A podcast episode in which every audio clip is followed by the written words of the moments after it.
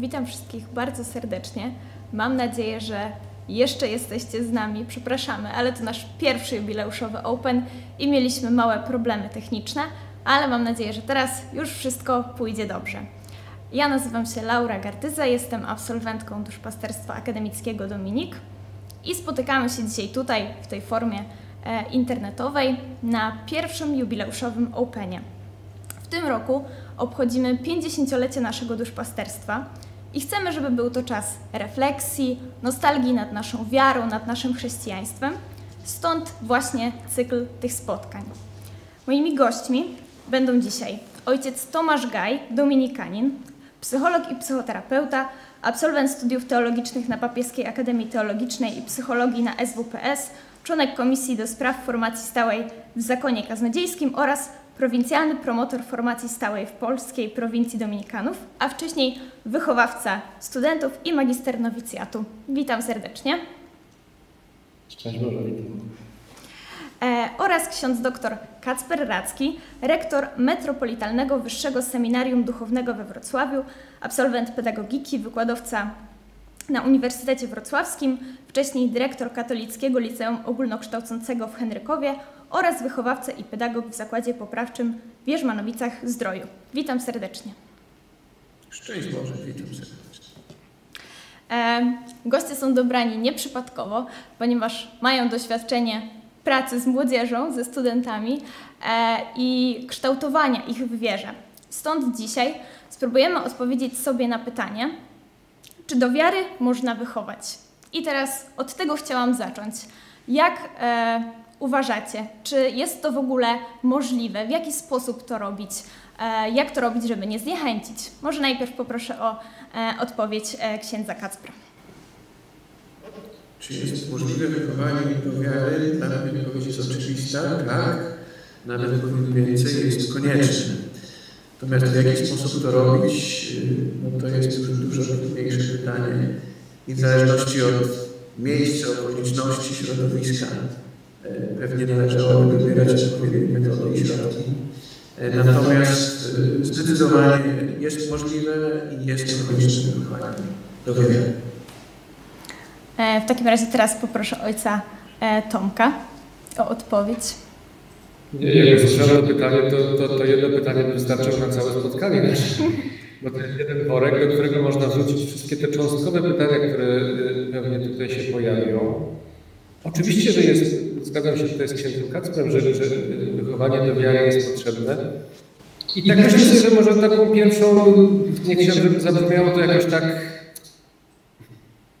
no tak sztampowo, ale no, tak jak pierwszym takim środowiskiem w ogóle wychowania do wszystkiego, do życia, no, jest rodzina, no to tak samo do wiary. Pierwszym, pierwszym takim e, środowiskiem, pierwszym miejscem, gdzie człowiek się uczy wiary, patrzy, jak wierzą jego bliscy, to jest no, po prostu moi najbliżsi. E, czyli... Tak, chyba ogólnie na tak ogólne pytanie, nie? Mhm. E bo tutaj właśnie w jednym z wywiadów ksiądz Kasper powiedział, że wychowanie jest przede wszystkim procesem naśladowczym i w dzisiejszym świecie młodemu człowiekowi trzeba w jakiś sposób zaimponować. I właśnie chciałam zapytać, w jaki sposób e, nauczyć dziecko tej wiary, tak żeby było mm, taką wiarą świadomą, a nie tylko pewnego rodzaju uczeniem schematów. Czy może właśnie to jest ten komponent wychowania dziecka, że najpierw uczymy takich nawyków, a potem dopiero dochodzimy do momentu, kiedy to się staje bardziej świadome? Ojcze Tomku? Nie możemy tego oddzielać, dlatego że to wraz z rozwojem dziecka i jego możliwościami do rozumienia rzeczywistości, ta świadomość się pogłębia i staje się bardziej dojrzałą. Natomiast e, jeśli dzieci naśladują, odwołując się do tej mojej wypowiedzi, jeśli się przyglądają, to przyglądają się komplementarnie. I przyglądają się, jeśli wiarę potraktujemy teologicznie jako akt i postawę, to przyglądają się tym aktom wiary rodziców, że oni patrzą na Boga, widzą Go, wierzą, ale także naśladują w tej wierze rodziców. I e, no, tego nie można odłączać. Tak? im bardziej autentyczny e, w swojej wierze wychowawca, to już nie będę ograniczał tylko do rodzica, tym jest bardziej pociągający i to myślę, że zgodzimy się także nie tylko w kwestiach wychowania. Autentyzm pociąga, jeśli rodzice są wierzący, a nie tylko religijni w znaczeniu spełniający praktyki religijne, to moim zdaniem jest spora szansa, że dziecko będzie takie samo. Zresztą, zresztą rodzice jakoś nawet nie muszą się strasznie starać, żeby dzieciom imponować. To dzieci naturalnie patrzą na rodziców, prawda? I, i yy, takimi bohaterami, idolami dziecka zawsze, jest, zawsze są rodzice, bez względu na to, jacy oni są. Yy, nie wiem, czy pamiętacie, przecież każdy z nas miał taki, taki okres, gdzie w przedszkolu mówi, a mój tata to na tym palcu podniesie ten samochód, a mój podniesie większy. Y, więc dzieci bardzo patrzą na rodziców i są dla nich takimi, rodzice są dla nich takimi wzorami we wszystkim, również w wierze. No jeżeli dla rodziców wiara jest czymś ważnym, to jasne, że dziecko będzie też patrzeć i, i będzie naśladować i pytać, a dlaczego tak? A czemu chodzimy do kościoła? A dlaczego ja nie mogę przyjmować komunii? No tych pytań są setki, prawda? I to, są, to jest y, świetna okazja do tego, żeby, żeby kształtować y, dziecko w wierze. E, tak, Jeśli chodzi o to zaimponowanie, ja bym jeszcze tutaj mm. wtrącił. Znakomicie zgadzam się z ojcem Tomaszem. Rodzice bardziej powinni w tej chwili pilnować, żeby nie przestać dziecku imponować, bo stosunkowo szybko przestają, powiedzmy, jest ich mało, czy, czy zajmują się innymi sprawami, które uważają za ważniejsze, no takie czasy. Natomiast pierwszym momentem e, zauważenia rodzica, uświadomienia go sobie jest e, jednocześnie pierwszy moment fascynacji tym kimś, kto jest, daje poczucie bezpieczeństwa i prowadzi. Także jeśli chodzi o to imponowanie, to może właśnie bardziej bym się tutaj zaczął martwić, co robić, żeby nie przestać imponować dziecku, bo przychodzi taki moment, kiedy rodzice się zderzają z tą rzeczywistością. Poza tym wydaje mi się, że, że też rodzice być może dzisiaj za szybko oddają to pole imponowania. Zresztą też trochę mogą przegrywać w konkurencji ze smartfonami, tabletami, y, bo rodzice często nie są aż tak y, atrakcyjni, jeżeli chodzi o dostarczanie coraz to nowych bodźców. Co więcej, często też oddają to pole y, bycia z dzieckiem w relacji, no, dając mu smartfona do ręki i dziecko się wtedy zajmuje Y, smartfonem, a to jest jakaś strata takiej nie, nie, nie, niebywałej szansy na to, y, żeby właśnie kształtować dziecko. Nie? E, dobrze, bo w pewien sposób myślę sobie, że jeśli dziecko jest małe, to jest chłonne e, na wszystko, co mówią mu rodzice, tak? Że w miarę ci rodzice mają autorytet i przyjmują, e, dzięki temu dzieci przyjmują to wszystko, co oni mówią za pewnego rodzaju pewnik, tak? ale przychodzi taki moment w życiu dziecka, e, kiedy mm, ono uświadamia sobie, że może rodzice go do czegoś zmuszają. I właśnie, czy do wiary można zmuszać? Ja tutaj e, przytoczę taką sytuację. Byłam niedawno w, w kościele na mszy e, i ksiądz miał takie dosyć dosadne e, kazanie, gdzie mówił, e, że trzeba kazać dzieciom przychodzić do kościoła, E, ja się tak trochę wzdrygnęłam na te jego słowa, ale potem on powiedział, że e, tak na dobrą sprawę, skoro zmuszamy dzieci do e, nie wiem, chodzenia na basen, do chodzenia na angielski, bo zależy nam na ich rozwoju, to dlaczego mamy nie zmuszać do chodzenia do kościoła? I tutaj stwierdziłam, że rozumiem ten tok myślenia, ale co wy o tym sądzicie? Pierwsze to tutaj się odniósł do tych słów, które pani powiedziała, że E, dzieci słuchają tego wszystkiego, co rodzice im mówią, jak są małe. To nie jest do końca prawda, bo dzieci nie tyle słuchają to, to, co im się mówi, tylko patrzą i naśladują to wszystko, co rodzice robią. E, dziecko do drugiego roku życia nie używa słów, a jednocześnie jest wpatrzone w rodziców i, i, i wtedy się tworzą podstawy relacji, więc dziecko jest, ten, ten kanał niewerbalny jest znacznie mocniejszy niż słowa. To jest pierwsza rzecz. E, I jeżeli dziecko widzi i automatycznie naśladuje e, autentyczną wiarę rodziców, to jego nie trzeba do niczego zmuszać. To tak na początek bym to powiedział. Złym słowem jest chyba słowo zmusić, bo dzieciom można nakazać i poprzez nakazywanie właśnie w związku z tym, że dzieci nie są dojrzałe, czyli nie mogą świadomie wziąć odpowiedzialności za wszystkie swoje kroki, to rodzice dzieciom mogą nakazać. Natomiast to jest jakby ostatni z elementów. Wcześniej czasami studentom mówię taką prawidłowość, że dzieci tak naprawdę robią co chcą. Cały widz polega na tym, żeby chciały tego, co chcą ich rodzice. Rodzice mają mnóstwo narzędzi, które mogą wykorzystać, i przymus w znaczeniu nakazania jest ostatnią z możliwości. Natomiast dzieci winny posłuszeństwo rodzicom.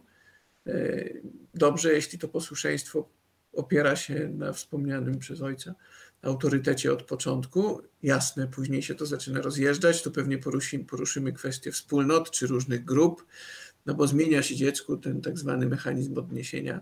Nie tylko rodzice już stanowią tych, do których dzieci się porównują i nie rodzina, tylko tą, w której się zaspokaja swoje wszystkie potrzeby. Natomiast jeśli chodzi o to naśladowanie, ja ten przykład opowiadam często i tutaj pozwolę sobie, to mi zajmie może minutę jak to w świeżym małżeństwie mąż pyta żonę, słuchaj, dlaczego ty okrajasz szynkę, wkładając ją do brytwanki? Żona mówi, wiesz, no nie wiem, moja mama tak robiła. No to zięć do teściowej, słuchaj mamo, powiedz mi, no dlaczego ty i twoja córka okrajacie szynkę, kiedy wkładacie ją do brytwanki? Wiesz co, no nie wiem, moja mama tak robiła. No to babcia jeszcze żyje, więc wnuk do babci, babciu powiedz mi, dlaczego wy wsadzacie szynkę do brytwanki i okrajacie ją wcześniej. A, bo za okupacji miałam małą brytwankę i tak robiłam, a one się na to patrzyły i robią tak samo. Więc to jakby w uproszczonej formie działa, myślę, w ten sposób właśnie. Poza tym też to, to jest ciekawe użycie tego słowa zmuszać, prawda?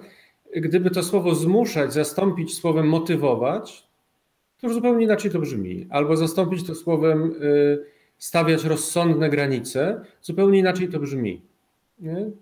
Tak, no myślę, że to kwestia słowa, bo no, dzieci robią to, co rodzice im powiedzą. Tak? Jeśli to jest powiedziane dosadnie, to może czują się dociskane, ale, ale tutaj właśnie kwestia tej motywacji w znaczeniu pozytywnym. Dzieci robią co chcą, ale chcą tego, co chcą ich rodzice i tu rodzice zrobią to znakomicie.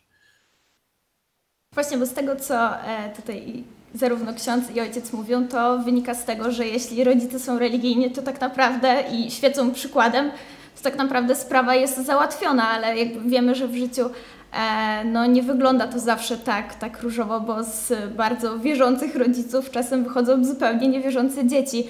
Mm, ale chciałam się też zapytać, e, czy w takim razie można jakoś dziecko karać za to, że nie poszło do kościoła, bo to też się często zdarza. Jakby mm, rodzice w jakiś sposób karają dziecko za to, że no, nie spełniają ich nakazów, czyli na przykład do tego kościoła nie chodzą. Nie wiem, nie, nie słyszałem o, o, takich rzeczach.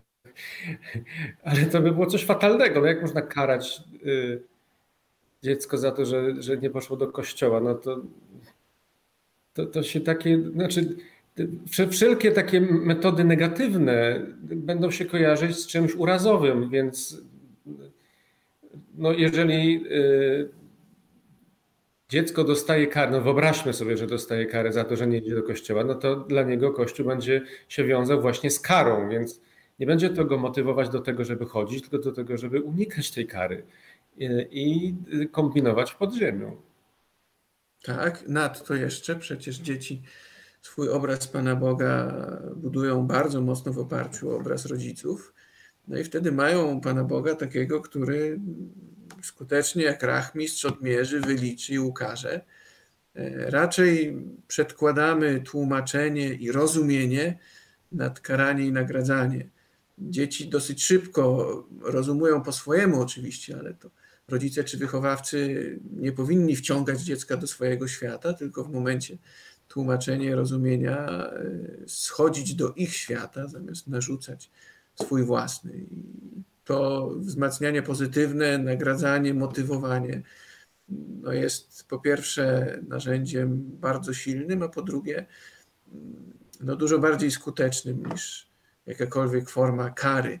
Dziś to w ogóle się odchodzi od takiej nazwy, natomiast kara de facto istnieje, jeśli ktoś tam ponosi konsekwencje swoich działań i są dla niego dotkliwe, to może to traktować jako karę, ale tu podzielam zdanie ojca, że rodzice karający dziecko za niechodzenie do kościoła, no to skojarzenie z kościołem jest jednoznaczne. Boli. Poza tym nie jestem rodzicem oczywiście, y, szkoda, że nie ma z nami jakiegoś rodzica, ale no, gdybym miał dziecko i ono by nie poszło do kościoła, to pierwsze co bym zrobił, to bym zapytał, co się stało, dlaczego tak jest. Usiądźmy, porozmawiajmy o tym. Nie? Pewnie wielu rzeczy bym się dowiedział, w zależności od tego, na którym etapie było dziecko. Nie? Bo pewnie tutaj taka sytuacja to jest, dotyczy nastolatków głównie, nie? że oni już mama czy ojciec mówi idź do kościoła, ono samo idzie, ale nie idzie w konsekwencji. I potem słyszę, a co było na kazaniu? I nie umie powiedzieć. Albo na YouTubie sobie obejrzy tylko kazanie. E, no właśnie, i tutaj też chciałam o to zapytać, czy można pozostawiać dzieciom wolną wolę w kwestii chodzenia do kościoła? No bo z jednej strony, e, nie wiem, nawet na ślubie rodzice e, zobowiązują się do tego, że wychowają swoje dzieci w wierze, no już nie mówiąc o chrzcie, kiedy faktycznie też i rodzice, i chrzestni mówią o tym, że jakby dołożą wszelkich starań, żeby to dziecko w wierze wychować. No ale na przykład dochodzimy do, do takiego punktu, kiedy dziecko ma powiedzmy 15 lat, jest e, świadomym, nieco zbuntowanym nastolatkiem, no i mówi, że ona dzisiaj nie chce iść do kościoła, tak, że nie, ma, nie czuje takiej potrzeby. I co wtedy robić? Jak powinno się zareagować w takiej sytuacji, żeby też tego dziecka nie zniechęcić? Rzecz ma się podobnie, mm, choć nie jest tej samej wagi, jak z myciem zębów, nie wiem, ubieraniem się, nauką przedmiotów i tym podobne. E, nadto wybieraniem nie wiem, języka, w którym się mówi, czy może nawet i kraju, w którym się żyje. Może poczekajmy do 18 roku życia i sobie młodzi ludzie po 18 roku życia, czy przy 15 roku życia e, zdecydują. Myślę, że musimy tutaj dotknąć raz jeszcze tej sprawy narzędzia, przymus czy nakaz nie jest jedyną formą. My tutaj jakby zaczynamy trochę próbować zero-jedynkowo to rozegrać. Jasne, że przepytywanie skazania, nie wiem, stawianie jakichś y, warunków, które jeśli nie zostaną spełnione, to dziecko będzie miało odcięte to, to czy to.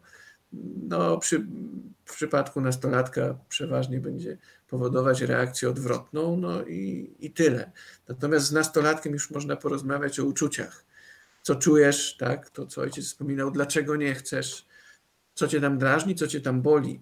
Nastolatek to jest y, adolescent, tak, najczęściej, czyli człowiek, który kwestionuje system wartości do tej pory przyjęty, bo stawia sobie własny i temu towarzyszy mnóstwo uczuć i emocji i o nie powinniśmy jako wychowawcy pytać, to już nie tylko jako rodzice, tak, no bo my jako duszpasterze też mamy do czynienia z nastolatkami. Często oni u nas także szukają odpowiedzi na to, co się w nich dzieje, a tam jest przy okazji jakichkolwiek kryzysów czy buntów, no ogień. Więc pytamy o ten ogień, a nie wyznaczamy ścieżkę, masz iść tędy, bo jak nie, to w czambu i,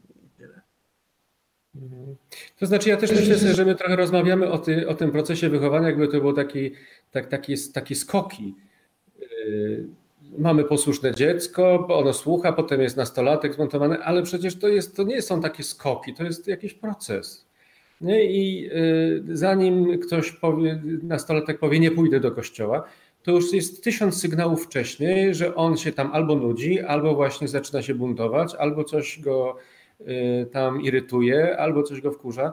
Nie? I te, te sygnały, jeżeli rodzice mają dobrą relację z dziećmi, to te sygnały można wyłapać znacznie, znacznie wcześniej i to nie jest już sytuacja reagowania y, na to, co się dzieje, jak już jest pożar, tylko zaczynam reagować, jak widzimy pierwsze, mm, pierwsze elementy, nie? pierwsze zwiastuny. To, to są super sytuacje do tego, żeby zacząć o tym y, gadać. Ja myślę, że tu dotykamy też zwracając uwagę na to, że pytania dotyczą pewnego rodzaju skoków, dotykamy kłopotów, którym wychowawcy czy rodzice, e, no właśnie, zaczynają zauważać u dzieci dopiero sytuację, która nabrzmiewa. Tych subtelnych e, sygnałów, o których ojciec wspomina, nie zauważają, i być może dotykamy problemu, który na pewno dotykamy problemu tutaj nie być może, który dzisiaj dotyczy wszystkich wychowawców, zwłaszcza rodziców, że spędzanie czasu z dzieckiem jest sytuacją ekskluzywną, a powinno być normą. I tutaj ja bym w tym kierunku jakby spojrzał, że tu może być przyczyna tego, że pojawiają się te spostrzeżenia skokowe, no i pojawiają się też dużo bardziej eskalujące kryzysy czy postawy takie anty u dzieci, bo wcześniejszych mnóstwa sygnałów drobnych rodzice nie zauważyli, bo nie mieli szans po prostu, bo, bo nie byli z dziećmi. Mhm, mhm. Poza tym też to może też być zwykły taki e, jakiś apel, czy wręcz e, wołanie nastolatka czy dziecka, które przez bunt mówi, no w końcu mnie zobacz, zauważ mnie, bo to nie dociera do ciebie, jak ja ci coś mówię, więc muszę zrobić jakąś drakę, żeby do rodziców mogło coś dotrzeć. A dzieci fenomenalnie wyczuwają ten czuły punkt, który rodziców zaboli. Jeżeli to będzie religijność, no to wykorzystają religijność. Czemu nie? Jasne. I wtedy bardziej trzeba rozumieć, o co chodzi, niż zakazać albo nakazać, bo to w ogóle nie są, to tak jakbyśmy, nie wiem, yy, strzelali z dubeltówki do komara. Pojawiło się też e, pytanie, bo goście mieli możliwość e, zadawania pytań e, przed spotkaniem. E, co zrobić w takiej sytuacji, e, jeśli jedno z rodziców jest faktycznie wierzące i praktykujące, a drugie albo jest zupełnie niewierzące, albo do kościoła chodzi okazjonalnie.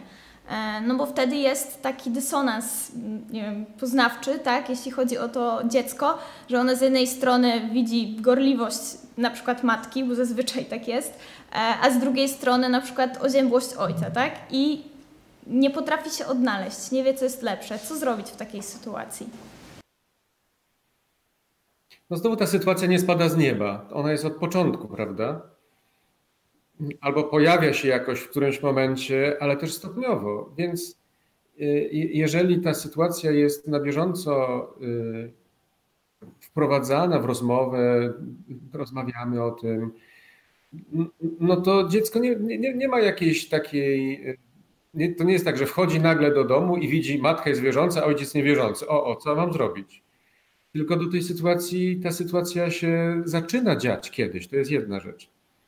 I to są okazje, żeby o tym porozmawiać. Ale tutaj myślę, że rodzice muszą mieć dobrą ze sobą, do, dobre porozumienie. Oni muszą mieć to dogadane, wtedy też łatwiej będzie to y, odnaleźć się dziecku w tej sytuacji. To jest jedna rzecz. A druga, to jest też tak, y, że tutaj wyczuwam trochę takie, y, proszę mnie poprawić, jeżeli, jeżeli się mylę, ale ale wyczułem coś takiego, że ten y, jakby system wychowania albo zaproszenie do religijności to była jakaś taka opresja. Że ty musisz do tego kościoła, tam jest tak nudno. No i no, a co jeżeli matka jest wierząca, a ojciec niewierzący? To znaczy matka ma tyle obowiązków, a ojciec jest wolny jak ptak. No i teraz dziecko jest rozdarte, czy, czy ma iść tym, tą syzyfową drogą matki, czy jednak taką y, drogą Y, wolnego strzelca ojca. Ja, ja bym na to jakoś zwrócił uwagę bardziej, że, y, y, że, żeby pokazywać, co też implikuje, że trzeba samemu tak żyć, że religijność, wiara, relacja z Bogiem nie jest czymś, nie jest jakimś jarzmem, tylko jest jakąś wartością. Jest czymś, co, co ja, co mi dodaje skrzydeł, jest czymś, co mi pozwala żyć, jest czymś, co, jest piękne, jest czymś, co jest rozwijające. I wtedy wartość ma w sobie taką y, jakąś y, moc przyciągania, pociągania, że nie trzeba tego, tej osoby pchać na siłę do kościoła albo ją jakoś naciągnąć. Y, no, no bo prawda ma taki i, i wartość ma taką, taki urok, że ona sama przyciągnie. Jasne, być może niechcący jakby odsłaniają się też kwestie, które drzemią w tych wychowawcach czy w tych rodzicach, że oni, tak jak ojciec wspomina, odbierają Kościół ogólnie, tylko bardzo tak to określmy, i wszystko, co się z tym wiąże, jako coś, co jest no, uciemiężeniem, to może przesadzę, tak, ale czymś przykrym obowiązkiem, może tak. I, I może tutaj też należałoby jakoś spróbować spojrzeć, co ja mam w swoim sercu, jak ja traktuję Pana Boga, kim On dla mnie jest, bo tak naprawdę to tym, kim jest dla mnie. Jeśli dzieci mnie będą naśladować, to on będzie dla dzieci. No i dzieci zderzą się z tymi samymi problemami, z którymi ja się zderzam. I być może o nie pytam, tak? Tu nie chcę nikogo dotknąć absolutnie, ale zawsze podpowiada się. E, ja takie podpowiedzi często słyszałem. Jeśli na danym etapie rozwoju dziecko przychodzi do ciebie z jakimś pytaniem i ty czujesz dyskomfort, to przypomnij sobie, jak e, reagowali twoi rodzice, albo co ty czułeś, kiedy zadawałeś to pytanie. I okazuje się, że są takie tematy, które przez pokolenia nie były poruszane i przepychano je w dyskomforcie. No i to kwestia religijności jest na tyle intymna, że śmiało może być takim gatunkiem przeżyć. Chciałam teraz nawiązać e, do jednej z konferencji e, ojca Tomasza, e, w której ojciec poruszył taki problem, że tak naprawdę ludzie, dorośli, czasem mają w sobie jeszcze taką dziecięcą wiarę, tak? Że coś poszło nie tak i z, nie potrafią wyjść z tego takiego dziecięcego myślenia o wierze, tylko już od, um, do tego już takiego dojrzałego myślenia o sobie jako o dojrzałym chrześcijaninie. Mm, I właśnie co tu zrobić? Jak wychować dziecko, albo gdzie znaleźć ten moment, co też może pomóc e, w tym, żeby właśnie, tutaj znowu nawiążę do tej koncepcji tych skoków rozwojowych, ale właśnie, żeby ten skok rozwojowy e, się, się wydarzył. To może ojciec Tomek zacznie. Znaczy to jest rzeczywiście, to jest y, odniesienie do takiej koncepcji księdza Chlewińskiego z lat 90. o niektórych aspektach dojrzałej wiary.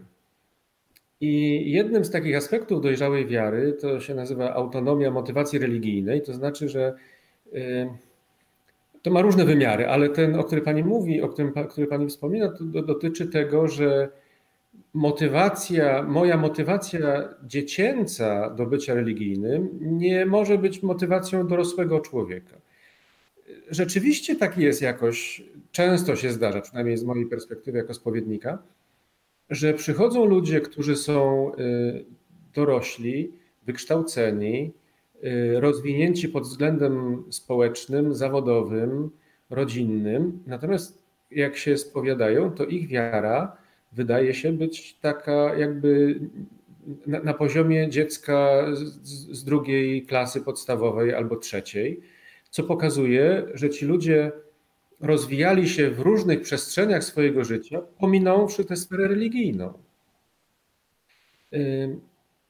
A to jest też sfera, która musi się rozwijać. Ona musi nabierać jakoś skrzydeł, musi się, musi dojrzewać, bo jeżeli w różnych sferach się do, dorastamy i dojrzewamy, a ta sfera zostanie gdzieś na poziomie dziecięcym, Y, no to taka motywacja dziecięca niewiele, y, znaczy nie wytrzyma próby czasu na pewno, nie wytrzyma próby życia, y, no bo ten człowiek żyje już w zupełnie innym świecie, dorosłym, a ma dziecięcą wiarę. Więc to jest, to jest zaproszenie do tego, żeby, żeby taka osoba po pierwsze zobaczyła, a ja wierzę tak, jak wierzyłem w drugiej klasie szkoły podstawowej, może warto jakoś w tym się zacząć rozwijać.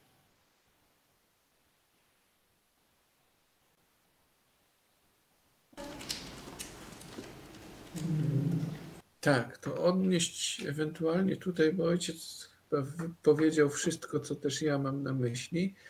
Mogę uprzedzić niejako, bo gdzieś tam w tych sugestiach pytań się pojawiło, że jeśli przy zmianie środowiska nasza wiara nie wytrzymuje, to pewnie właśnie dlatego, że nie jest adekwatna do stopnia mojego rozwoju. Jeśli ja jako uczeń szkoły średniej kończę i wchodzę jako student do dużego miasta, dużego środowiska, okazuje się, że to, co było wartościowe tam, takie rodzinne, od małego ułożone pęka, to być może właśnie dlatego, że to nie dojrzało, nie nadążyło za mną fizycznie, psychicznie, emocjonalnie.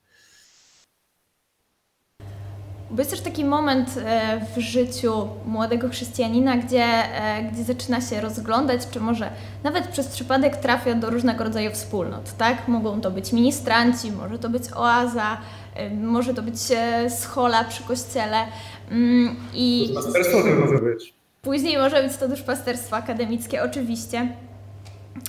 I z jednej strony myślę sobie, że te wspólnoty są bardzo potrzebne w życiu, ale czasem motywacje są różne, żeby do tych wspólnot należeć, tak? Bo może akurat, nie wiem, są tam moi znajomi, a wiary w tym na dobrą sprawę jest mało. Albo też te wspólnoty nie rozwijają nas, mam wrażenie, w odpowiedni sposób. No bo co powiedzieć o osobie, która, nie wiem, przez 10 lat była ministrantem, a potem nagle y, zupełnie odwraca się od kościoła. Czy to oznacza, że ta wspólnota źle funkcjonowała? Jak tutaj odpowiedzieć na to? Jednoznacznie chyba trudno byłoby odpowiedzieć. Natomiast to też jest kwestia, czym i w jaki sposób żyje ta wspólnota. Bo motywy trafienia do wspólnot jasne mogą być różne. Faryzeusze, czy ci, którzy przychodzili przyjąć chrzest od Jana, być może niektórzy robili to na wszelki wypadek, o, bo pojawił się chrzci, wzywa do nawrócenia, ale to też był dobry motyw do tego, żeby się o coś zahaczyć. Natomiast pierwszy motyw no, zawsze później ulega weryfikacji. W formacji nazywamy to oczyszczaniem motywu czy motywacji, ale to dotyczy jakby wszystkich motywów wstępowania. I tu ja bym to rozdzielił, kwestia motywu tego pierwszego i później bycia, od jakości tej wspólnoty, no bo wspólnoty bywają różne. One są ważne, ale no, niestety są ministranci, którzy żyją sobie, a no, nie o to tylko chodzi, tak, w byciu ministrantem. Są pewnie, proszę wybaczyć, że będę mówił o tych negatywnych kwestiach, no ale pozytywne jesteśmy sobie w stanie wyobrazić, a negatywne powiedzmy, że nazwijmy. No to są wspólnoty, które stanowią jakieś tam niewielkie koło adoracji przyparafialne na przykład, czy przykościelne. No i są wspólnotą, ludzie się tam ze sobą trzymają, ale czy w tej wspólnocie jest prowadzona jakakolwiek forma, no nazwijmy to dumnie, duszpasterstwa, to to jest zupełnie inna kwestia. No i może tak być, że będąc 10 lat ministrantem, człowiek się nie rozwija w wierze w ogóle, rozwija się ewentualnie w wykonywaniu czynności liturgicznych. Bo tu myślę, że bardziej I chodzi o samą wspólnotę. Piłce nożnej. A nie, nie tak dawno prowadziłem takie zajęcia dla jednego z duszpasterstw. To była grupa dosyć duża, 25 osób, 30, już nie pamiętam. I zapytałem ich, a słuchajcie, a po, po co w ogóle ludzie się łączą w grupy? Po co tworzą wspólnoty? No i rzeczywiście, tak jak zresztą mówi się o tym w psychologii społecznej, ludzie się łączą w grupy z trzech powodów. Jedno, żeby pierwszy powód to jest to, żeby gdzieś przynależeć. Potrzebujemy przynależeć gdzieś. I zapłacimy mnóstwo kosztów, nawet trudnych relacji, y, jakichś konfliktów, żeby mieć przynależność. Drugie to jest wsparcie. To znaczy, jak potrzebujemy, nawiązujemy sieć różnych relacji, po to, że jak potrzebujemy pomocy, to wtedy wiemy, do kogo zadzwonić. I trzecie to jest, y, no, co dwie głowy to nie jedna, czyli żeby zrealizować jakieś przedsięwzięcie, którego sam nie mogę zrobić, potrzebuję w tym pomocy i kooperacji z innymi.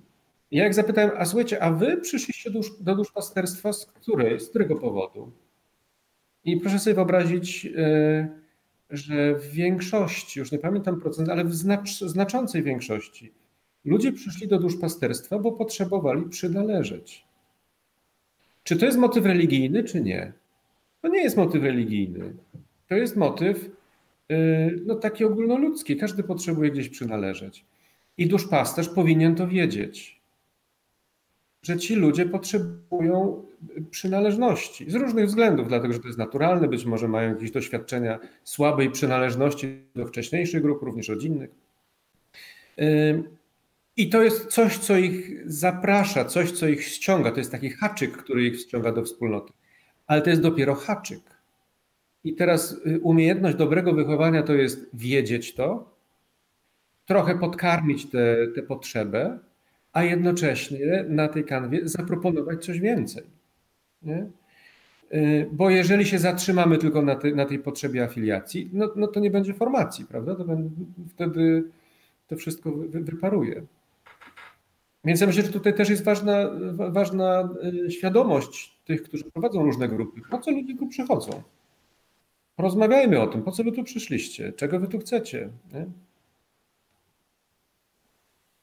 Właśnie, to też tak e, może z perspektywy bardziej pytanie duszpasterzy, ale jak prowadzić taką grupę, żeby właśnie wyważyć to, żeby było tam i przyjemnie, w takim sensie, żeby zawiązać właśnie przyjaźnie, ale też religijnie, tak? Właśnie, żeby, e, żeby ludzie wiedzieli, po co tu są e, i żeby wyszli z jakimś bagażem E, właśnie doświadczeń religijnych, bo też jest to częsty przypadek, który, który gdzieś obserwuję, będąc właśnie w takim duszpasterskim e, środowisku, że wiele osób wychodzi z duszpasterstwa i potem zupełnie zostaje z niczym. Jakby nie mają tej wiary, nie chodzą do kościoła, mimo tego, że mogli być e, szefami odpowiedzialnymi, robić bardzo wiele, być ogromnie zaangażowanymi osobami Mm, a mimo wszystko, kiedy to się kończy, nie widzą już sensu chodzenia do kościoła, bo właśnie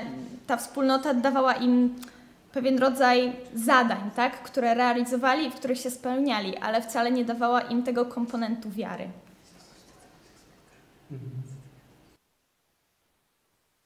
Mądrze trzeba prowadzić. To też jest pytanie bardzo szerokie i wiele spotkań e, różnego rodzaju, nie wiem, konferencji czy, czy warsztatów e, adresowanych jest do duszpasterzy. E, nie każdy zostaje duszpasterzem wspólnot młodzieżowych, akademickich.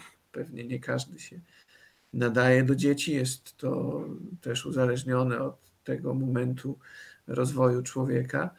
Natomiast gdybyśmy mieli to uogólnić, no to nie zatrzymywać tego członka wspólnoty tylko na wspólnocie. Czy też się tak zdarza na sobie, tak? No, jeśli mówimy o duszpasterzach. Raczej ta transparentność, przejrzystość, odnosić do tych wartości wyższych. Brzmi to patetycznie, ale jeśli pytamy o, o takie mądre prowadzenie, no to tych rzeczy trzeba byłoby dotknąć.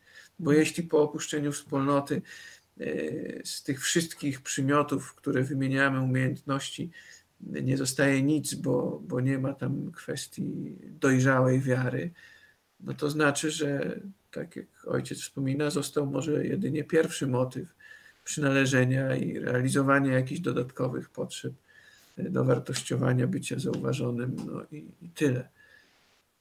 No ale to można realizować też, yy, przepraszam, w kole gospodyń wiejskich i też będzie ok, tak. To znaczy, że być może w tej wspólnocie, bo to nie tylko jest kwestia duszpasterza, no nie, nie zwalajmy wszystko, chociaż dużo od niego zależy, ale być może w tej wspólnocie zabrakło tego, do czego tak naprawdę ona się powołała, czy do czego była w jakiś sposób zawiązana. Tak, ciągnąc dalej to, to co ksiądz nazwał mądrym, prawda, żeby mądrze prowadzić, to nie jest bliskie takie, y, żeby z ludźmi rozmawiać. To znaczy, można rzeczywiście, tak jak Pani mówi, y, przydzielać zadania i to będzie wtedy wspólnota zadaniowa. Nawet te zadania mogą być religijne, ale one nie, wcale nie muszą gruntować wiary. Kończy się zadanie, kończy się, y, kończy się misja. Mnie jest bardzo bliskie takie, no po prostu, znaczy i duszpasterz rzeczywiście tutaj musi mieć tego świadomość, nie? że on tego nie tworzy, ale on y, towarzyszy tym ludziom. A żeby towarzyszyć, to musi najpierw rozpoznać sytuację no, taka najprostsza rozmowa, e, najprostsza rzecz to po prostu porozmawiać z ludźmi. Ludzie, ale słuchajcie, czego wy tu szukacie? Czego my, co, co my tu chcemy mieć w tym pasterstwie? Czego wy się tu chcecie nauczyć? W czym potrzebujecie mojego towarzyszenia? Z czym macie kłopot? Nie? I to jest y, takie spotkanie, y, może się odbywać, nie wiem, raz w miesiącu i ludzie będą mówić. Nie? Y, i, I to, co Pani mówi, rzeczywiście zdarza się, że ludzie wychodzący z duszpasterstw czy wspólnot religijnych przestają być wierzący. To też można przewidzieć. Oczywiście nie da się temu zapobiec do końca, no bo ludzie są wolni, ale, ale taką sytuację też można przewidzieć. Mm, mam dla Was y, propozycję do, do duszpasterstwa akademickiego. Spotkajmy się i porozmawiajmy. Słuchajcie, ludzie, jak sobie wyobrażacie swoje. Yy, prze, spróbujmy przewidzieć przyszłość jak myślicie, z czym będziecie mieli trudności? Czy wy zostaniecie wierzący? Yy, oczywiście to jest jakiś rodzaj takiej, takiego eksperymentu myślowego, ale ludzie mogą powiedzieć, tak, boję się tego się. No to spróbujmy temu zapobiec już wcześniej. Spróbujmy się przygotować do tego, żeby za 10 lat się spotkać yy, i żebyśmy mieli tę wspólną płaszczyznę wiary. Jak jej nie stracić, jak ją pogłębiać, co robić. Nie? Czyli rozmawiać, rozmawiać, rozmawiać. Nie? Jeszcze jednej rzeczy bym dotknął, e, bo jeśli mówimy o wychowaniu, to potrzebujemy mistrzów. Też bardzo górnolotnie nazwane, ale dziś e, bardzo rzadko się o tym mówi. Kiedyś relacja wprowadzania w życie, czy to życie duchowe, życie wiary, czy w ogóle w jakąkolwiek umiejętność, była prowadzeniem ucznia przez mistrza. A mistrz to był z kolei ktoś, kto nie przytłaczał swoim majestatem, ale był na tyle daleko, żeby można było do niego dojść. Nie przytłaczał wysokością, ale był na tyle wyżej, że można było do niego doskoczyć. I tym, co robił, pokazywał, że ci, którzy za nim szli, chcieli być tacy jak on.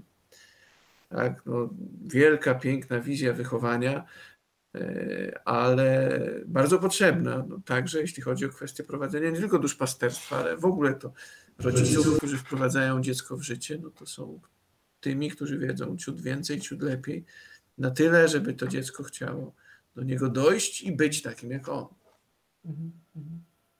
E, ksiądz Kacper zajmuje się wychowaniem przyszłych księży w seminarium. E, ojciec Tomasz też ma doświadczenia z e, kształtowania, z kształcenia przyszłych zakonników. Czy można coś przełożyć z gruntu właśnie Waszego doświadczenia na, na studentów właśnie z duszpasterstwa akademickiego? Czy jakieś wzorce zachowania, motywy można, można przełożyć na ten duszpasterski grunt?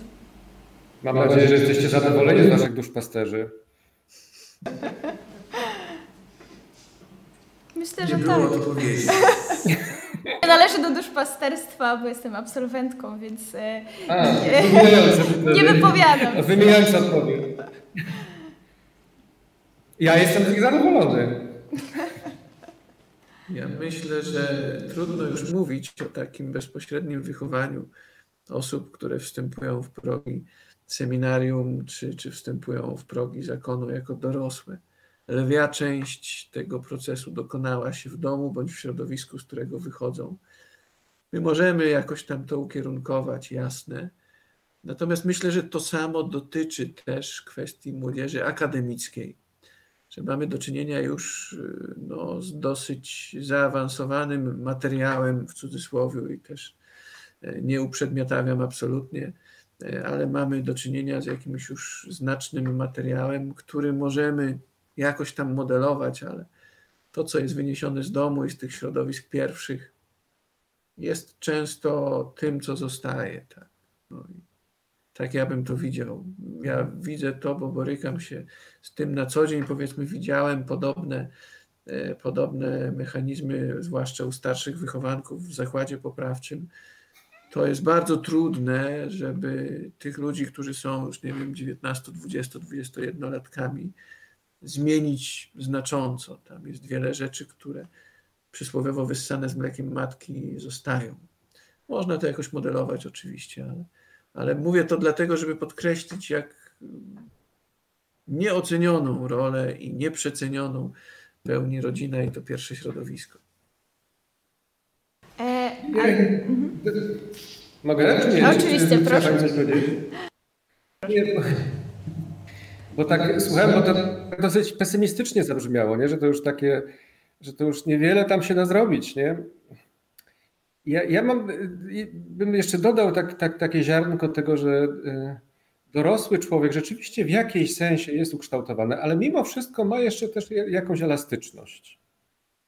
Y, I to jest moim doświadczeniem, że y, wiemy już z różnych badań dotyczących zmiany, że mózg jest na tyle plastyczny, że rozwija się w różnych kwestiach, czy może się rozwijać do końca naszego życia.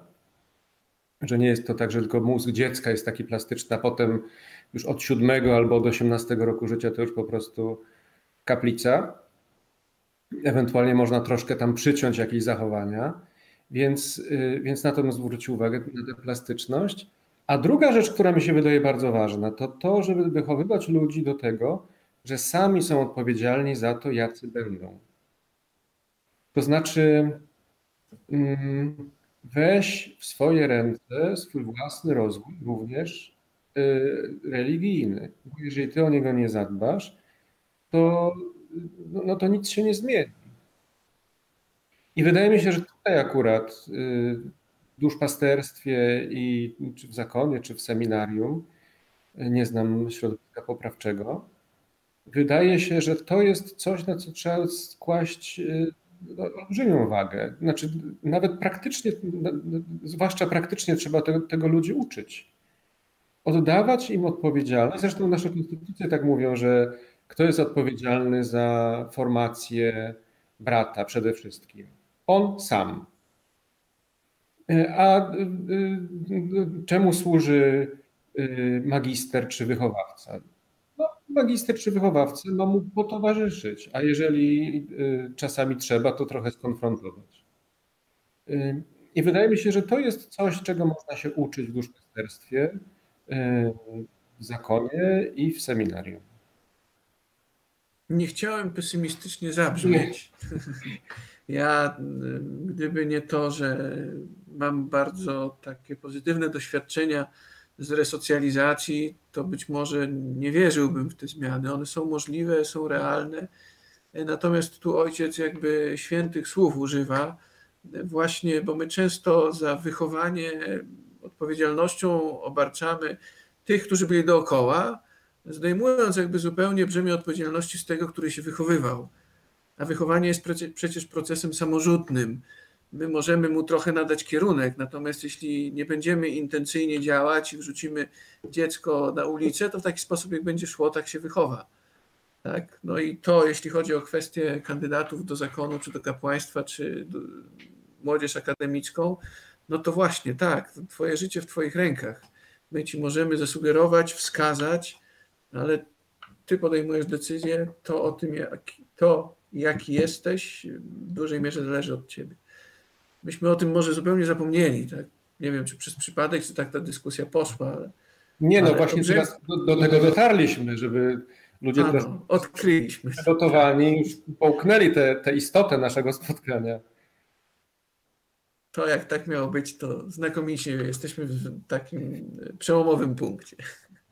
Tak, to e, właśnie wielokrotnie gdzieś w naszej rozmowie e, pojawił się taki termin jak dojrzała wiara. I e, chciałam też poprosić e, Was o spróbowanie zdefiniowania, czym jest taka dojrzała wiara, kiedy możemy o tym e, powiedzieć. Kiedyś mówiło się, że sakrament bierzmowania jest takim sakramentem dojrzałości chrześcijańskiej, ale mam wrażenie, że ten termin mógł się trochę zdezaktualizować. Mm, więc e, powiedzcie proszę, czym dla Was jest taka dojrzała wiara? Kiedy możemy powiedzieć w ogóle, że jesteśmy już dojrzałymi, rozwiniętymi, świadomymi e, chrześcijanami?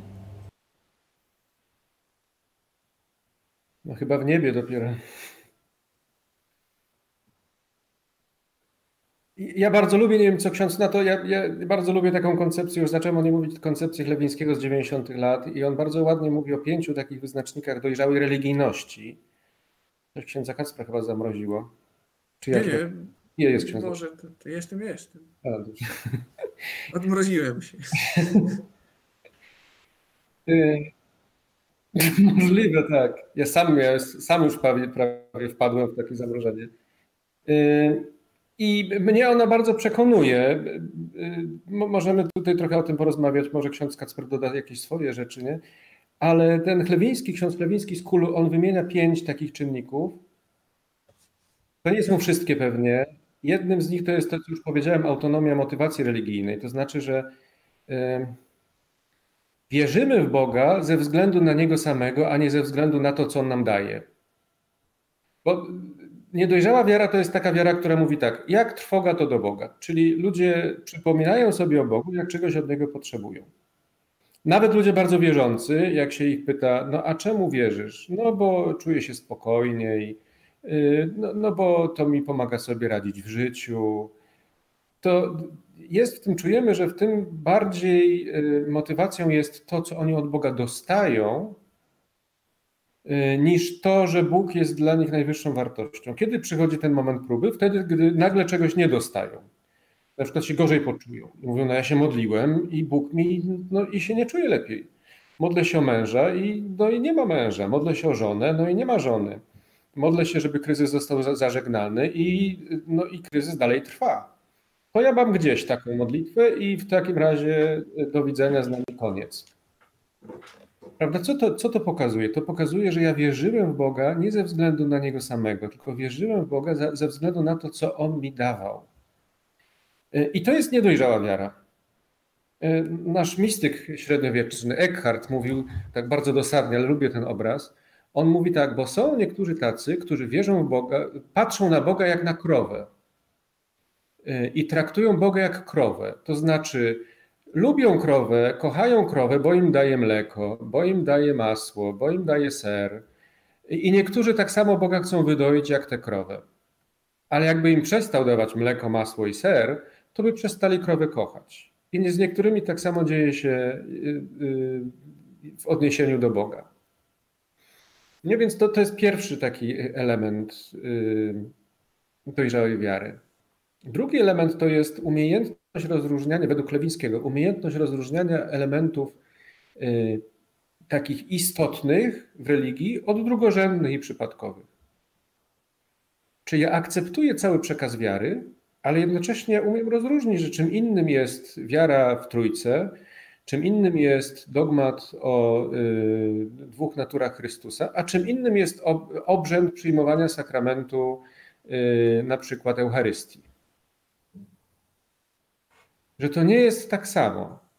Ja potrafię przyjąć cały przekaz wiary, ale też mam swój, swój krytyczny stosunek do y, różnych rzeczy, które się dzieją.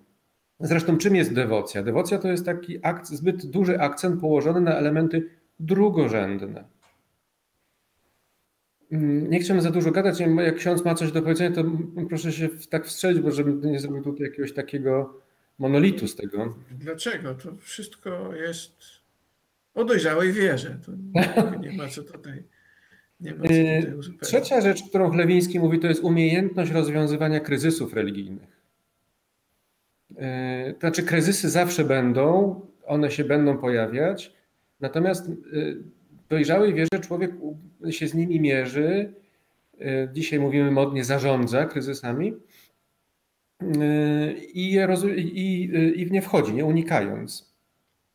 Kolejna rzecz to jest autentyczność przekonań religijnych, to znaczy, że, że wiara to nie jest takie, takie nieokreślone, irracjonalne przekonania, o czymś, czego ja nie rozumiem, no ale to trzeba tak przyjąć, bo tak jakoś to jest, nie wiadomo skąd. Y, tylko wiara to jest zestaw y, pewnych praw, które dotyczą Boga, dotyczą mnie, dotyczą ludzi, dotyczą świata. One mają swoją argumentację, one mają swoją logikę, one mają swoją spójność, one skądś wynikają, one tworzą jakiś system znaków i ja to rozumiem. One są dla mnie racjonalne. Ja je przyjmuję ze względu na ich racjonalność, a nie ze względu na jakieś bliżej nieokreślone motywy emocjonalne. I ostatnia rzecz to mówi e, Chlewiński o tym, że mm, dojrzała wiara to jest taka, dojrzała religijność to jest taka, która ma nieantropomorficzną koncepcję Boga. To znaczy ja wiem, że ja i Bóg to, to, to są dwie różne rzeczywistości. Ja nie przykrawam Boga do swojego poziomu emocjonalno-poznawczego. I to dla mnie jest coś takiego, co, co mi jakoś opisuje dojrzałą wiarę, i to mógłby być program, to jest podpowiedź dla duszpasterstwa Dominik, y, na y, program duszpasterski 2021 albo i cały y, dalszy plan. Znaczy, że w różnych wersjach można o tych, o tych rzeczach rozmawiać, patrzeć na ile ludzie są dojrzali religijnie, na ile ja sam jestem dojrzały religijnie, bo to przecież nigdy nie jest tak, że jesteśmy gotową e, jakimś produktem dojrzałości, tylko cały czas do tej dojrzałości jakoś tam dążymy. Nie? Coś tam się dzieje w, te, w, tej, w tej mierze. Uf, ale się nagadam, niech ksiądz teraz coś powie. Nie ma tutaj co dopowiadać. Koncepcja dojrzałej wiary. Ja przy tej okazji, e, przy, te, przy okazji wizji mistrza Eckharta, tam e, nie pamiętam, czy to kardynał Vantuan, czy ktoś inny pisał, że dojrzała wiara to także ta, która nie boi się podjąć ryzyka wiary, czyli mm. zmiany, którą wiara wnosi w życie, że to życie będzie do tej wiary dochodzić, a nie będzie tę wiarę marginalizować i wtedy ograniczać tylko do obrzędowości. To tyle tytułem delikatnego do powiedzenia. Pojawiło się też e, pytanie przed spotkaniem, jak można zmienić e, wpajane zasady, e, w tym też strach przed Bogiem już w dorosłości? Jak się z nim skonfrontować w taki sposób, żeby od wiary nie odejść, ale od złej religijności tak? No bo trzeba też e, przyjąć, że e, no nie zawsze ci wszyscy nasi nauczyciele, ci, którzy stają na naszej drodze e, w wychowaniu w wierze, są dobrymi nauczycielami, tak? I często wychowują nas może właśnie w zbyt e, dewocyjnych warunkach. E, może czasem to, e, to nie jest taka wiara, która faktycznie no jest, e, jest pożądana, tak? Co zrobić w takiej sytuacji? Najlepiej zapobiegać. Ten temat już dziś dotknęliśmy przy okazji budowania sobie obrazu Boga na podstawie doświadczeń od chociażby z rodzicami, chociaż oczywiście nie jest to jedyny z przykładów, na podstawie którego ten obraz Pana Boga się buduje. Natomiast później no to już jest kwestia doświadczenia e, Boga. Bo my tutaj mówimy o Panu Bogu, e, może trochę zapominając, że On też działa, no możliwość spotkania z Panem Bogiem doświadczenia, nie wrócę do tego mojego opisu krwiożerczego rachmistrza, który rozliczy skutecznie za każdy grzech i w ogóle jest brzydki, stary, siwy. Na, na no, ten obraz można przebudowywać na podstawie doświadczenia miłości Pana Boga, bezpośredniej spotkanej w drugim człowieku. To tak ogólnie bym powiedział. Doświadczenie ludzi głęboko wierzących, którzy kochają braci ze względu na Chrystusa jest w stanie przebudować ten obraz. Mhm. Ja w ogóle uwielbiam takie pytania, co zrobić? Właśnie. To są, to są najlepsze pytania, bo zazwyczaj to są pytania też, y, no, na które nie ma, jeżeli w ogóle odpowiedź, jest jakaś odpowiedź, to na pewno ona nie jest jednoznaczna i na pewno nie polega na tym, co zrobić. Tak trochę jakby zapytać, a co zrobić, żeby się nie kłócić z żoną? Nie? Albo co zrobić, żeby dobrze wychować dzieci? To, to tak tytułem wstępu, że, że, że te odpowiedzi nasze nie są takie e, jak w aptece, recepty. Natomiast to, co Pani powiedziała, to, to rzeczywiście jest tak, że wielu z nas, y, zwłaszcza jeżeli zaczynamy autentycznie zbliżać się do Boga, w jakiejś takiej szczerości, poszukiwaniu, tęsknocie, to zauważam, że obraz, który mam w głowie, on mi czasami bardziej przeszkadza niż pomaga. Bo głowa mi podpowiada, no ja już wiem, bo ja już jestem 4 lata w duszpasterstwie, już się nasłuchałem tych wszystkich konferencji o tym, że Bóg jest miłością. Już duszpasterze mi powiedzieli, y, że trzeba być odpowiedzialnym. Ja to wszystko rozumiem. Chodziłem na y, spotkania y, kazań kardynała Newmana, które czytaliśmy pilnie przez cały rok. Ja już mam bardzo dużą wiedzę teologiczną. Ja wiem, że Bóg jest kochający, miłosierny, ale coś w środku mi podpowiada, że moje doświadczenie jest trochę inne.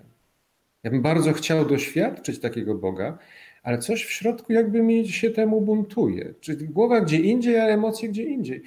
Więc to nam podpowiada, że y, w moim doświadczeniu, zbieranym przez całe moje życie, jak zbudował się taki obraz Boga, który jest bardziej emocjonalny, który mi zasłania tego prawdziwego Boga, y, do którego tęsknię. I tutaj jest cały jakiś, cała droga, y, którą trzeba przejść, żeby te dwie rzeczywistości, tak mówili ojcowie Kościoła czy ojcowie pustyni, że droga z serca do, z głowy do serca to jest najdłuższa droga, jaką musimy przejść. Nie? Y, żeby tę drogę stopniowo, cierpliwie, y, z wiernością przejść, nie, nie, nie, nie, y, nie zniechęcając się tymi wszystkimi potknięciami, które, które nam się przydarzą. Odpowiedzieliśmy na to pytanie, czy nie? Myślę, że tak, ale tutaj właśnie trochę się tak e, zamyśliłam, bo e, miałam kolejne e, dwa pytania e, z cyklu, e, co byście poradzili, co ma zrobić. E, no bo ale zadam te pytania mimo wszystko. Mm, bo mam w głowie takie dwie sytuacje. Myślę, że i ksiądz, i ojciec spotkali się z taką sytuacją, że jest jakaś głęboko religijna matka, która przez 18 lat wychowywała e, dzielnie swojego syna E, żeby był właśnie wierzący, był ministrantem, wszystko szło jak należy, świeciła przykładem, tak jak mówiliście, tak, że właśnie to, to trzeba robić, a mimo to na przykład e, student e, już wyjechał na studia i od Boga się kompletnie odwrócił, ona w rozpaczy. Co byście jej powiedzieli? Co ona zrobiła źle? Czy to on coś zrobił źle? Hmm. Dlaczego zaraz e, diagnozować, że ktoś coś źle zrobił? To Takie poczucie. Ból mamy, ból mamy jest zawsze bólem mamy, która będzie szukać w swoim mm, oddziaływaniu na tego ukochanego syna, gdzie coś zrobiła nie tak.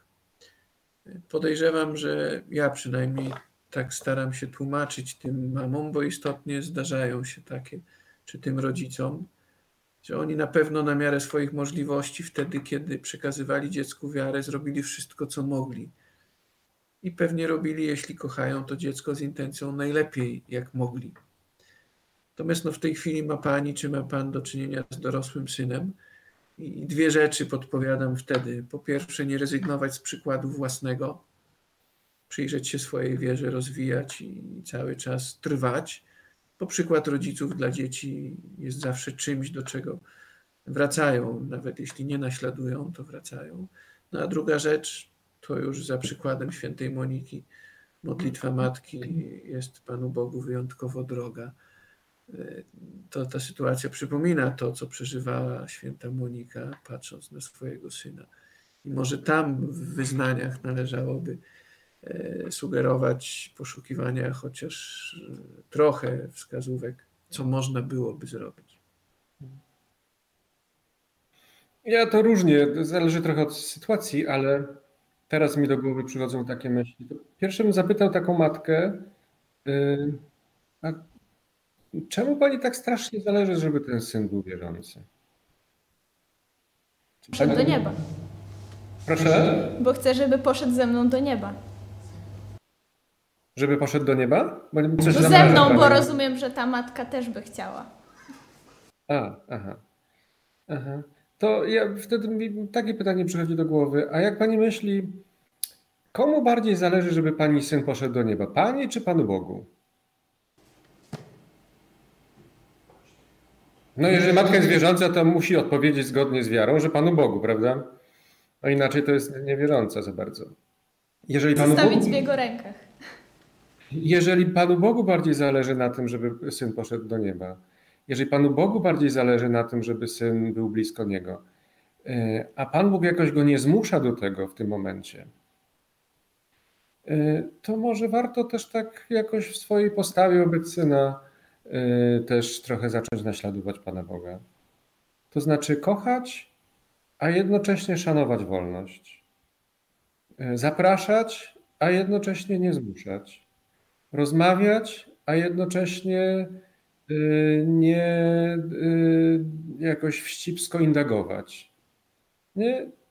I oczywiście to są, takie, to są też takie środki, które nie gwarantują efektu y, zdesperowanej matki, bo ona by chciała mieć efekt taki, żeby syn na pewno się nawrócił i szedł tą drogą. No ale no niestety mamy tylko takie środki i nie mamy środków przymusu. Pan Bóg ich nie stosuje. Więc może warto też go naśladować w tym, jak on nas zachęca do, do kontaktu z sobą. Rozumiem, że nie naciskać, ale z drugiej strony mam takie poczucie, e, już teraz przekładając to na grunt może bardziej znajomych, przyjaciół, e, mam takie poczucie, że jeśli tworzyliśmy jakąś wspólnotę, byliśmy właśnie w duszpasterstwie i nagle jedna z tych osób widzimy, że ma jakieś problemy z wiarą, odchodzi od kościoła w towarzystwie, e, mówiąc kolokwialnie, hejtuje kościół, no to czujemy jakiś taki ból w sercu i co, mamy nic z tym nie robić? Czy mamy jakoś zareagować? Czy pozwolić na to, żeby każdy w jakiś sposób sam do tego Boga wrócił, nawrócił się? No ale jeżeli byliśmy blisko, rozumiem, no, no, to y, wiadomo, że jest potrzebna jakaś reakcja, tylko że ta reakcja nigdy nie będzie taką reakcją, no nie wiem, jakiegoś zero-jedynkową. No pierwsze, co mi przychodzi do głowy, to zapytać, słuchaj, ale co, co, co się dzieje? Dla, dla, skąd to jest? Z nami. No, to, to są sytuacje chyba na, na taką rozmowę, prawda? Zupełnie naturalnie. Albo czegoś nie rozumiem. To jest trochę chyba też kwestia, co powoduje ten ból. Czy ten ból powoduje to, że faktycznie człowiek oddala się od wiary, czy traktujemy to trochę osobiście, że no, kwestionuje to, co jest naszą wartością, jakby jako grupa, wspólnota się na to nie zgadzamy. Bo tu kwestia odchodzenia człowieka od wiary, to to, co ojciec mówił w kontekście matki, znakomite, tak? No, tak jak Pan Bóg, jasne, grzeszących mamy napominać, ale Pan Bóg też napomina, szanując wolność do tego stopnia, że pozwala się zakwestionować i odrzucić.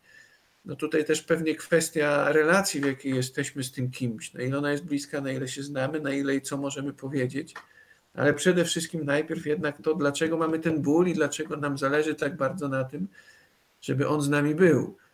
Bo tu może wcale nie chodzić o to, żeby on był głęboko wierzący i, i, się zbawił, tak? tylko może chodzić o to, że no, jest częścią paczki, jeśli przestaje wierzyć, to nas odrzuca.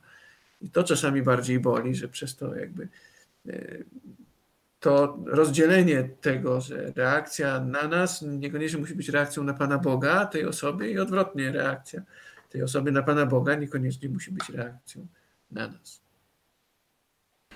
Bardzo dziękuję e, za tę rozmowę. Zbliżamy się już e, do końca spotkania, dlatego chciałabym prosić e, jeszcze raz taką zamknąć nasze spotkanie klamrą i zapytać, jak, jak dobrze wierzę, ale proszę, żeby odpowiedź była jednozdaniowa. Takie jedno przesłanie, z jakim chcielibyście zostawić oglądających nas dzisiaj. To jest trudne, Trudne więc mogę dać chwilę do namysłu. Samemu autentycznie wierzyć i przykładem swoim prowadzić. Mhm. A ja bym powiedział w mądrości, w, w, w miłości, w wolności i mądrości. Amen. Bardzo serdecznie dziękuję naszym gościom. E, dziękuję też naszym widzom, którzy cierpliwie e, poczekali na rozpoczęcie dzisiejszego e, spotkania. E, oczywiście zachęcam do śledzenia wszystkich wydarzeń, które będziemy realizować w ramach jubileuszu 50-lecia duszpasterstwa akademickiego Dominik. E, zapraszam na nasz fanpage na Facebooku, gdzie na bieżąco aktualizujemy informacje. I co? Zapraszam wszystkich. Dziękuję bardzo za dzisiaj. E, dobranoc z Panem Bogiem. Dziękuję. Dziękuję.